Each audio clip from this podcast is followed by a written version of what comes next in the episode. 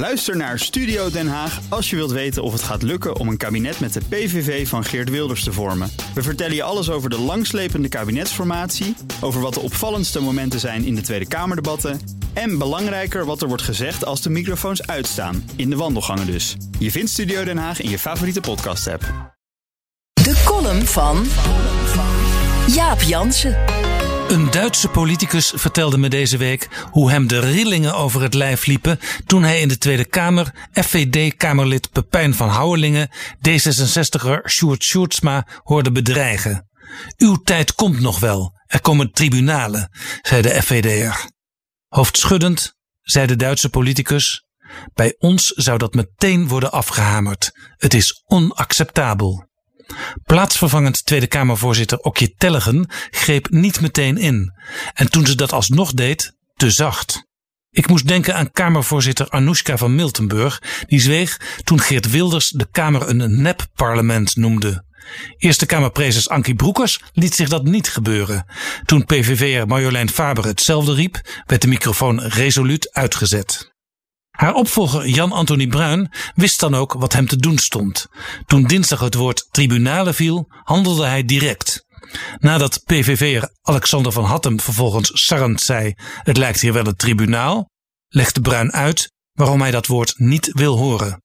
Dat refereert rechtstreeks aan het leed dat anderen is aangedaan in de geschiedenis, zei hij.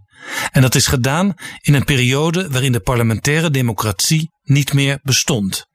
Maar er was toch ook een Cambodja-tribunaal geweest en een Joegoslavië-tribunaal, probeerde de PVV er nog.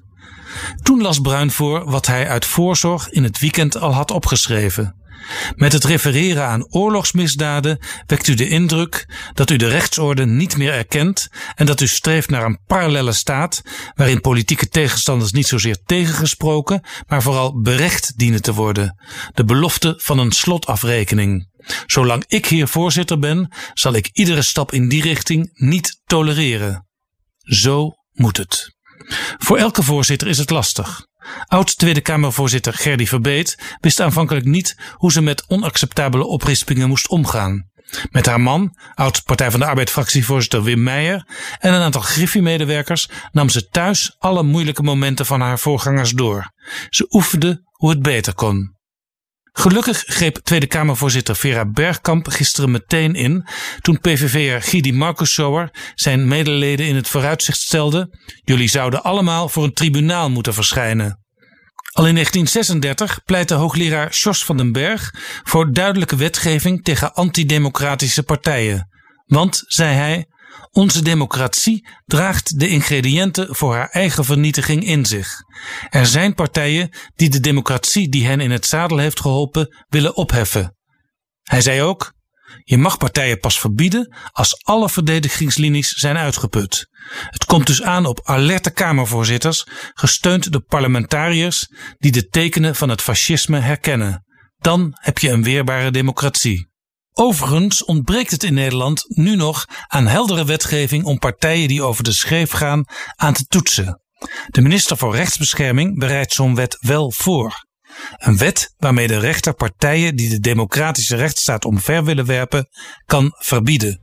Dat wetsontwerp is helaas nog niet ingediend omdat het kabinet demissionair is. Helaas, want die wet komt geen dag te vroeg.